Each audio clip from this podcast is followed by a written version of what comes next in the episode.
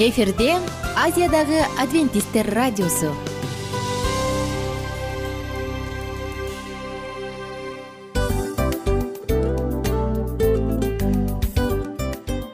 Достор салют. Баардык сүйүктүү угармандарыбызга салам айтабыз. Кутман күнүңүздөр менен.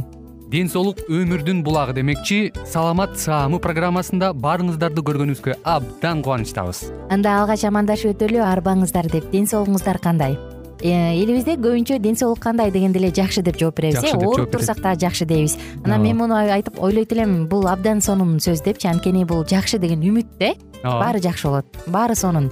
Деп үмүттөнүп атып эле өзүбүздү өзүбүз дарылап коебуз. Анысы кандай? Сиздин дагы ден соолугуңуз жакшы беш деген үмүттөбүз чындыгында ден соолук бул өмүрдүн булагы деп бекеринен айтылган эмес деп ойлойм. Кыргыз элинде анткени эгерде ден соолук жок болсо анда адамдын жашоосунда калган баардык керектүү маңыздуу нерселер өзүнүн баалуулугун жоготуп коет. Ошондуктан ден соолук бул эң керектүү нерсе. Ооба туура айтасың кесиптешим. Чынында ден соолугуң жок бир эки үч күн ооруп калсаң эле кандай болуп калат? Жашоодо көз каранды болуп каласың көп нерсеге жетишпей каласың көп нерсени кыла албай каласың жада калса эшикке дүкөнгө да чыга албай каласың. Туп туура анан ден соолук болсо демек биз биздин бактыбыз тотой деп койсок болот. Анда достор саламат саамы рубрикабызды баштайлы. Алдыда өзүңүзгө керектүү болгон сонун кеңештерди уга аласыздар. Мына ошондуктан биз менен бирге болуңуздар. Ал эми биз болсо милан жана айнура. Кеттик алга. Алга саламат саама ден соолуктун жарчысы. Саламат саама ден соолуктун ачкычы. Күн сайын сиз үчүн мыкты кеңештер сонун жаңылыктар кызыктуу фактылар. Биздин рубрикада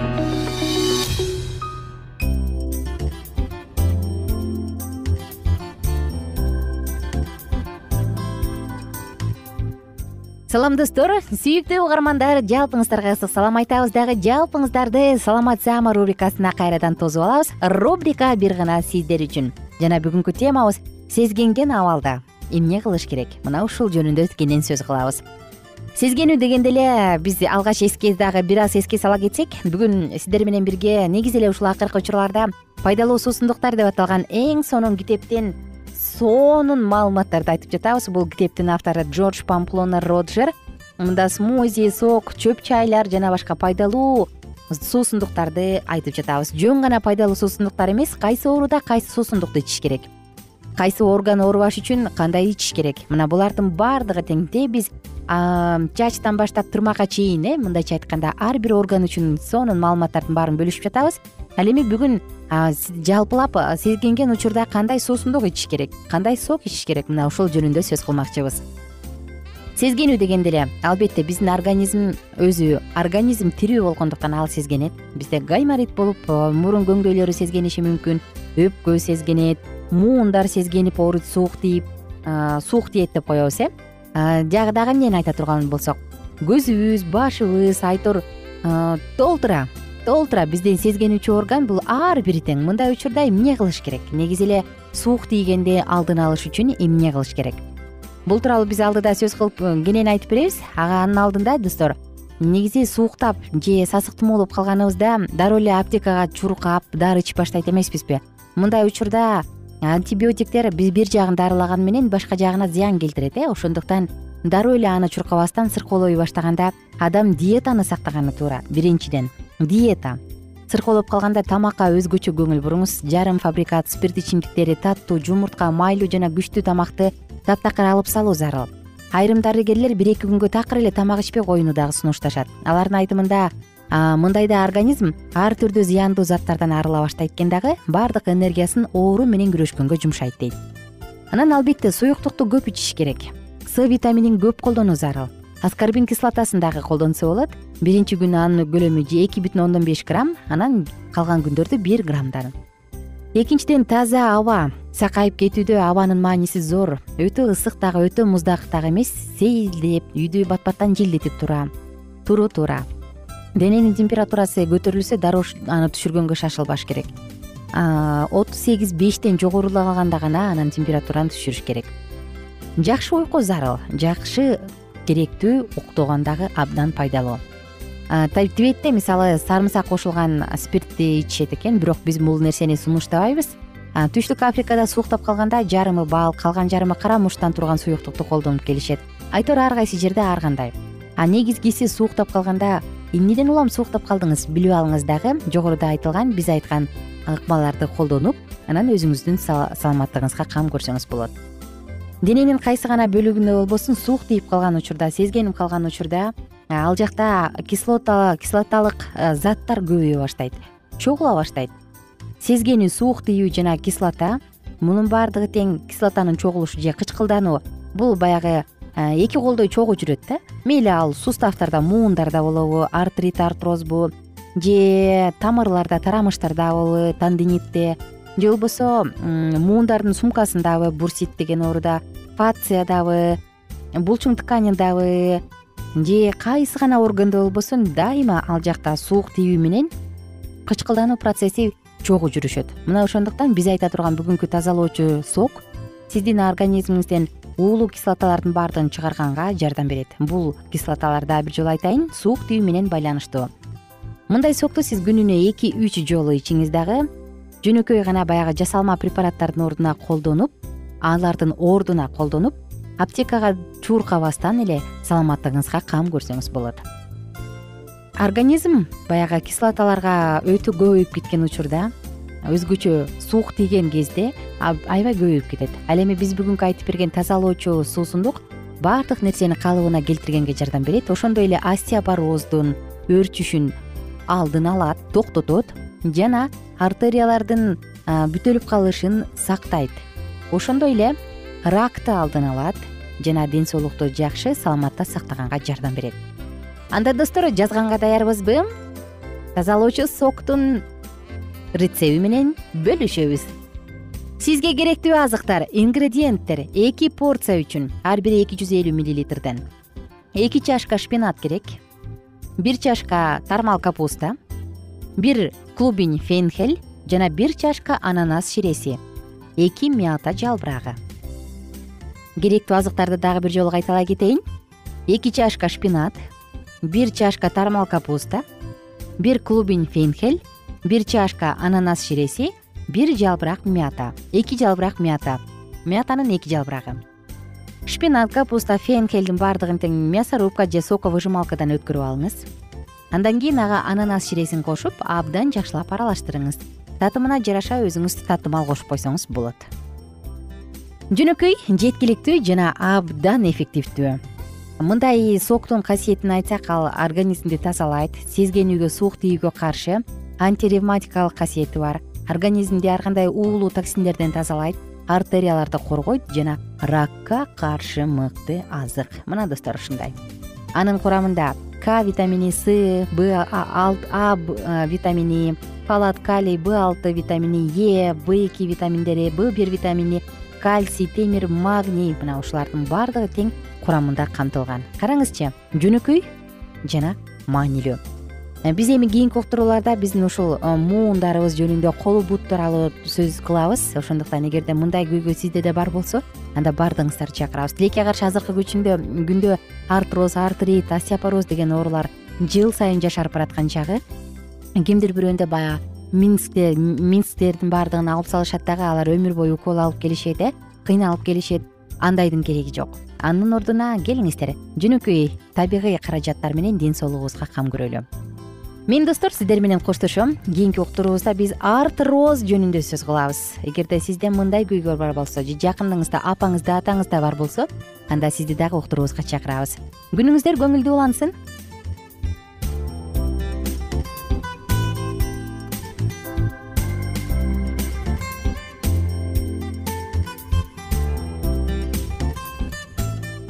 кененирээк маалыматтар үчүн үч w чекит саламат чекит клуб сайтына келип таанышыңыздар. Жана андан тышкары социалдык тармактарда youtube facebook жана instagram баракчаларына катталыңыз. Саламат саама ден соолуктун жарчысы. Саламат саама ден соолуктун ачкычы. Күн сайын сиз үчүн мыкты кеңештер сонун жаңылыктар кызыктуу фактылар. Биздин рубрикада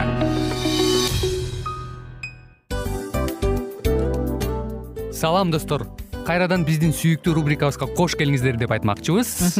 Баардык замандаштарыбызга арбаңыздар деп саламыбызды айтабыз. Улуу ушундай бир э, урматтаган учурашуу менен анан дил маек радио баракчабызга чакырабыз. Негизи дил маек биздин рубрикабызда эмне жөнүндө кеп кылабыз бул дил маектин мааниси эмнеде рубрикабыз менен кичине тааныштырып кетсеңиз. Сөзсүз түрдө тааныштыра кетейин. Кесиптешим суранычы боюнча бул учурда бул радио баракчада биз ар тарап кесип ээлеринен сонун кеңештерди алабыз сүйлөшөбүз сырдашабыз. Аталарыбыздын эжелерибиздин апаларыбыздын кеңештерин угабыз айтор.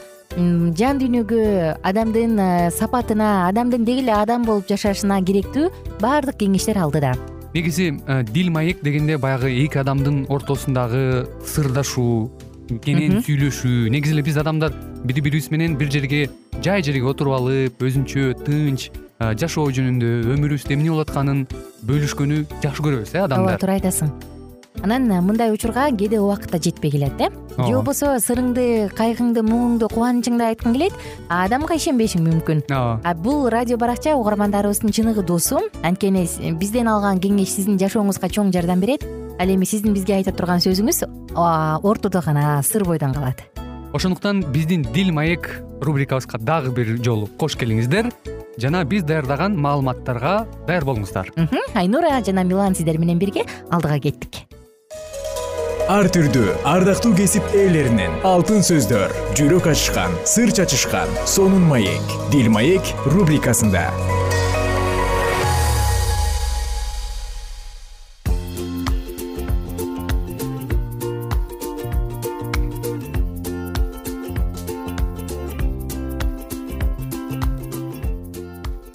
салам достор. Биздин сүйүктүү угармандарыбыздын баардыгына ысык салам айтабыз. Жана сиздер менен кайрадан жагымдуу маанайда дил маек уктуруубузду баштадык. Бүгүн сиздер менен дил маек уктуруусунда британиялык марта жөнүндө сөз кылмакчыбыз. Негизи бир аз эске салсам бул циклда биз аялдар энелер жубайлар жөнүндө болгондо дагы өзүнүн бир өзгөчөлүгү менен айырмаланып тарыхтын беттеринде ыйык жазуунун беттеринде калган аялдар тууралуу сөз кылып жатабыз.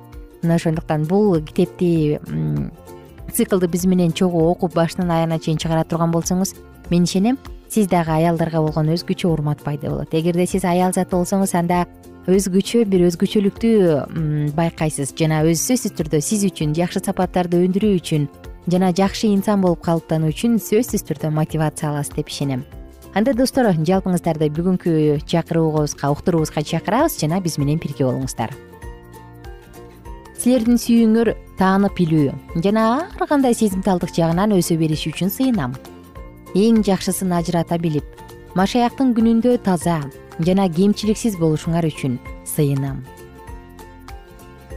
Британиялык марта экинчи орундагы нерсени эң негизги нерсе деп эсептеген аял.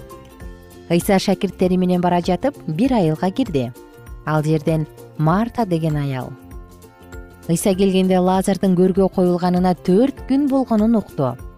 Бетания менен иерусалимдин ортосундагы аралык жакан китеби он биринчи бап он жетинчи жыйырма жетинчи аяттар. Мариям болсо ыйса турган жерге келди да аны көргөндө бутуна жыгылып теңир деди. Жакан китеби он биринчи бап отуз экинчи кырк төртүнчү аяттар. Мартар көз көрүнүп эле нааразыланды үйгө он үч киши конокко келди. Ыйса шакирттери менен иерусалимге баратып жолдон бетанияга токтоп алардыкына кире калган. Бетания байыртадан эле меймандостугу менен атагы чыккан айыл. Булардын үйүндө да конокторду жакшы кабыл алышат. Бул негизинен мартанын эмгеги. Коноктор көптөн берки тааныш адамдар. Алар биринчи жолу келип жатышкан жок. Ыйса мартанын мариямдын жана алардын бир тууганы лазардын досу кээде ыйса алардыкына иерусалимдик мыйзам окутуучулар менен фарисейлердин жөнү жок айыптоолорунан чарчаганда кечкисин шакирттери менен келчү.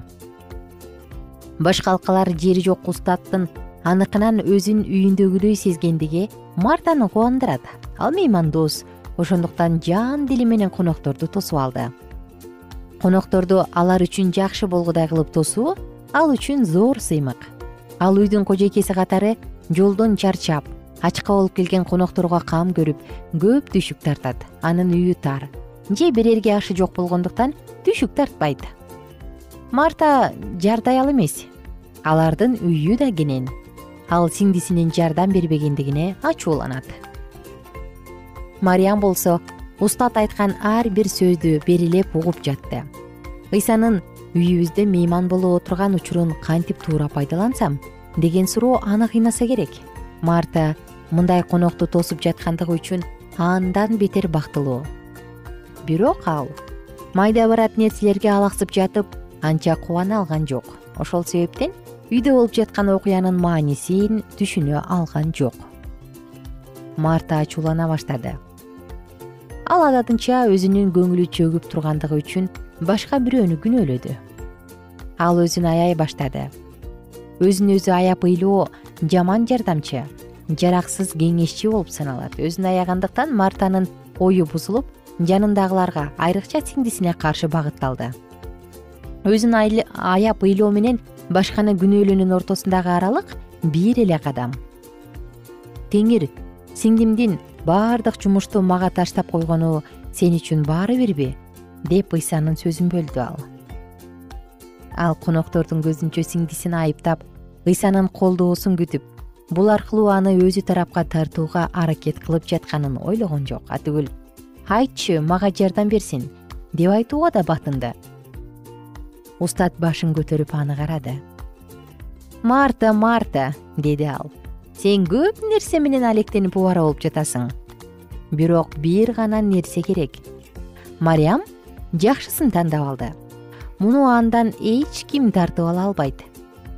Бул бир нече эле сөзү менен ал мартага эле эмес бизге да өтө көп нерсени айткан. Бул сөздөрдө мындай деген эскертүү камтылган. Экинчи орундагы нерсени эң негизги нерседен кантип айырмалай албайсың мен сенин үйүңдө отурсам сен эмнеге арзыбаган нерселер менен алектенип жатасың? Марта мен кызмат кылдыруу үчүн эмес башкаларга кызмат кылуу үчүн келгенимди кантип түшүнбөйсүң? Кеп үй жай тамак ашта эмес. Андан алда канча маанилүү болгон өзүңдө экенин сезген жоксуңбу? Мен сенин меймандостугуңду баалайм бирок өзүң үчүн тынчсызданам. Дасторконуң жөнөкөй болсо деле ыраазы болорумду сен кантип түшүнгөн жоксуң? Менин падышачылыгымда рухий баалуулуктар артыкчылыкка ээ өзүңдү таанып бил. Баардык нерсени менин көз карашым менен караганды үйрөн. Мариям тил уккудай жаман иш кылган жок. Сага болсо мен кеңеш берем. Анткени мен сени сүйөм. Өтүп кете турган бул дүйнөнүн байлыктары. Жердеги түйшүктөр өтүп кетпей турган менин сөздөрүмдү басып салат да түшүнүүңө тоскоолдук кылат. Марта башкалар тууралуу өз пикириңди айтууну абайла. Андан көрө аны мага тапшыр. Өзүң жөнүндө өз жүрөгүң жөнүндө гана ойлон кызык окуя э достор? Биз негизи конокко барганда таттуу тамак жайылган дасторконду умтетип барабыз. Бирок ыйса бул жерден айтат бул негизгиси эмес. Бул эң биринчиси эмес деп. Кызык. Окуянын уландысы сизге кызыкпы? Анда биз менен бирге болуңуздар биз сиздерди кийинки уктуруубузга чакырабыз. Күнүңүздөр көңүлдүү маанайда улансын бар болуңуздар жана кайрадан амандашканча сак саламатта туруңуздар достор. Күнү сонун жеңиштүү жемиштүү болсун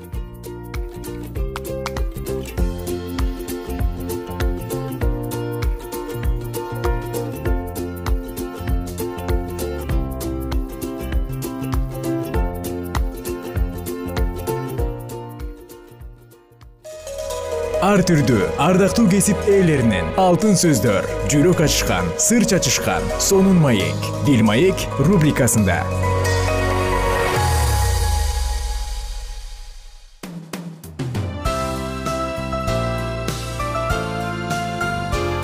Эфирде азиядагы адвентисттер радиосу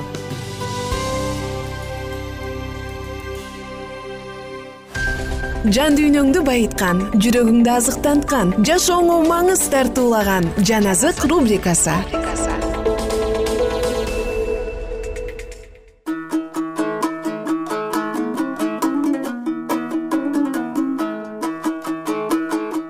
Салам достор. Биздин сүйүктүү угармандарыбыздын баардыгына ысык салам айтып кайрадан сиздер менен бирге. Бул учурда жан азык рубрикасын баштадык. Жана сиздер менен тора китебинде жазылган пайгамбарлар китебинде жазылган аюб китебинен окуп жатканбыз. Анда биз бул маалыматыбызды сонун китепти андан ары окууну уланталы биз менен бирге болуңуздар. Аюб китеби тогузунчу бөлүмдү окуп атканбыз. Жыйырма он төртүнчү аятка келгенбиз. Он төртүнчү аяттан ары улантабыз.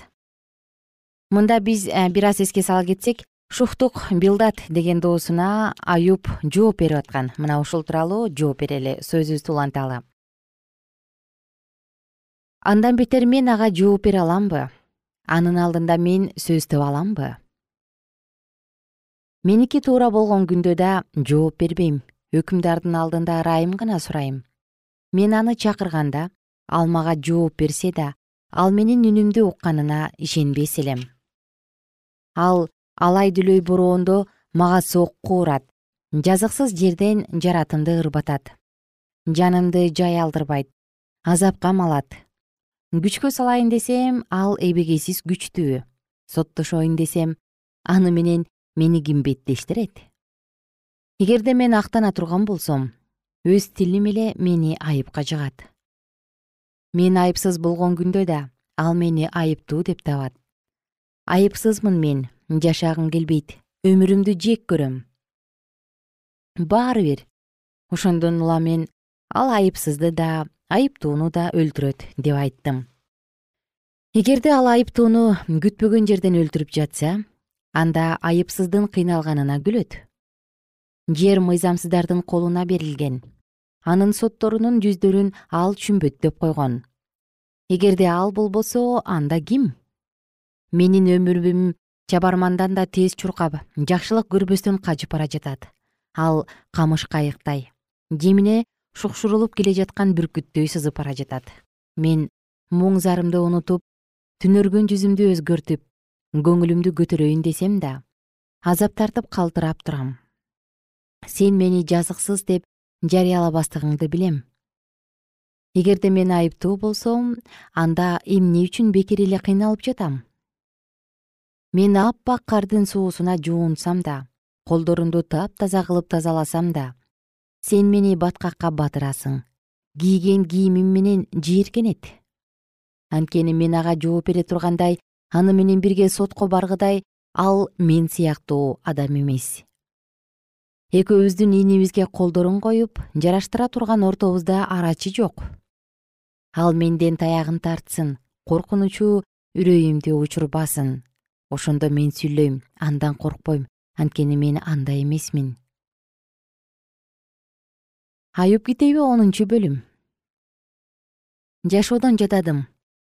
Арыз муңумду төгөм жанымдын кыйналганынан сүйлөйм. Кудайга мындай деп айтам. Айыптабачы мени. Айтчы мага. Эмне үчүн мени менен күрөшүп жатасың?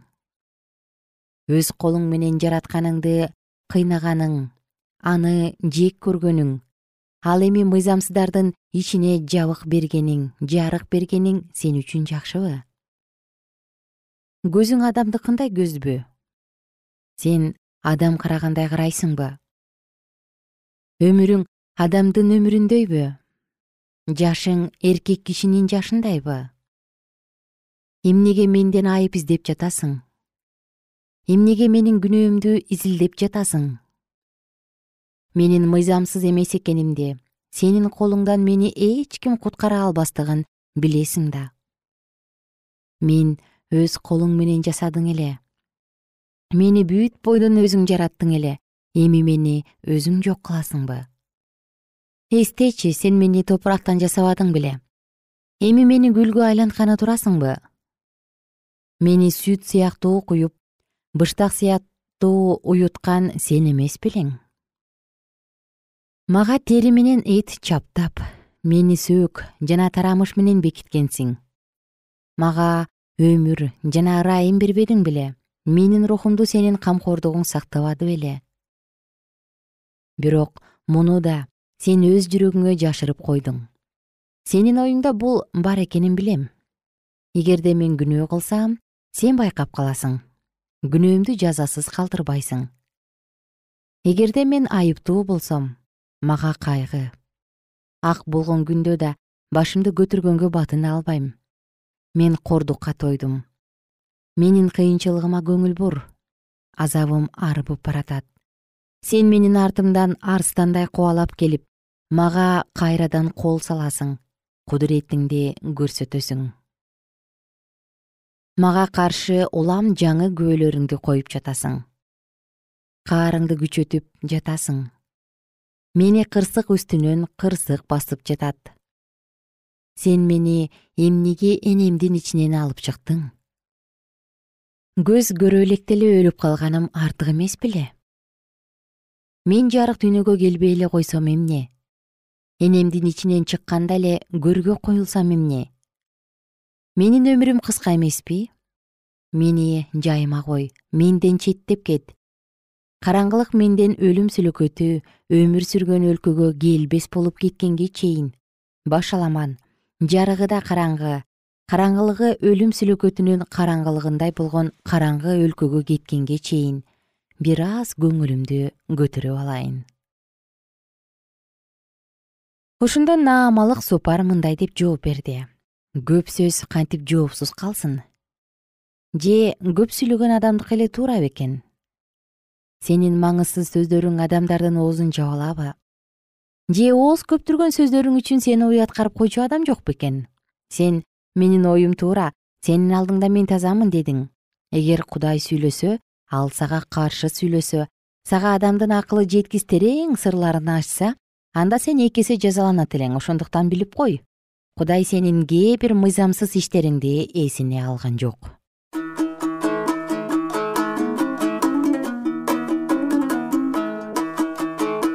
ардактуу достор биз дал ушул жерден уктуруубузду токтотобуз. Аюптун тагдыры андан арыгы эмне болот? Деги эле аюп кандай болгон? Мына ушул тууралуу дагы сонун маалыматтарды билгиңиз келсе анда биздин кийинки уктурууларыбызды калтырбаңыз. Кайрадан амандашканча бар болуңуздар күнүңүздөр көңүлдүү улансын.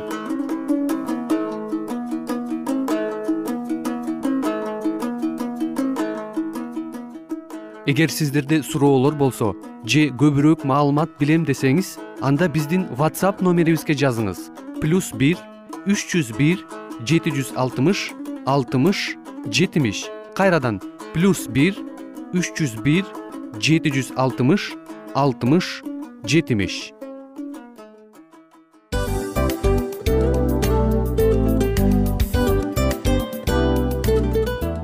достор биздин радио баракчаларыбыз соңуна келди. Демек бул программабызды дагы жыйынтыктачу учур келдик. Учурга келдик. Анан кесиптешимден сурагым келип турат. Негизи эле иштин башталып атканы кубандырабы сени же жыйынтыгы кубандырабы? Албетте жыйынтыгы. Себеп дегенде сен кылган ишиңдин жыйынтыгын көрүп э, баягы мөмөсүн көрүп дегендей жыргайсың. Жүрөгүң жемишинен татып э? Кандай даамдуу деп. Баягы буудай сепкенде эмес буудай эгинди жыйнагандан кийин ысык нанды жегенде кадимкидей ырахаттанасың го. Ой айтпа туура айта кеттиңиз. Сонун салыштыруу болду анан мен дагы абдан кубанып турам анткени биз угармандарыбыз үчүн аябай эмгектенип келген уктуруубуздун соңуна келип калдык. Анан эми э, уктуруубуздун соңунда угармандар кандай пайда алып калды экен деп күтүп турам да. Балким э, менин жашоомо өзгөрүү киргизе турган сонун сөздөр болду. Мен ушул нерсени изилдеп анан кабыл албасам ушул нерсени кылбасам деген чечим чыгарсаңыз анда биз абдан кубанычтабыз. Сөзсүз түрдө андыктан кийинки биздин кызыктуу уктурууларыбыздан көрүшкөнчө сак саламатта калыңыздар. Чыдамсыздык менен сиздерди мен милан жана кесиптешим айнура күтөбүз. Баардык угармандарыбызга ийгиликтүү күн каалайбыз. Качан гана болбосун уртуңуздан жылмаюу кетпесин үйүңүздө көмүр жүрөгүңүздө көңүл болсун дейли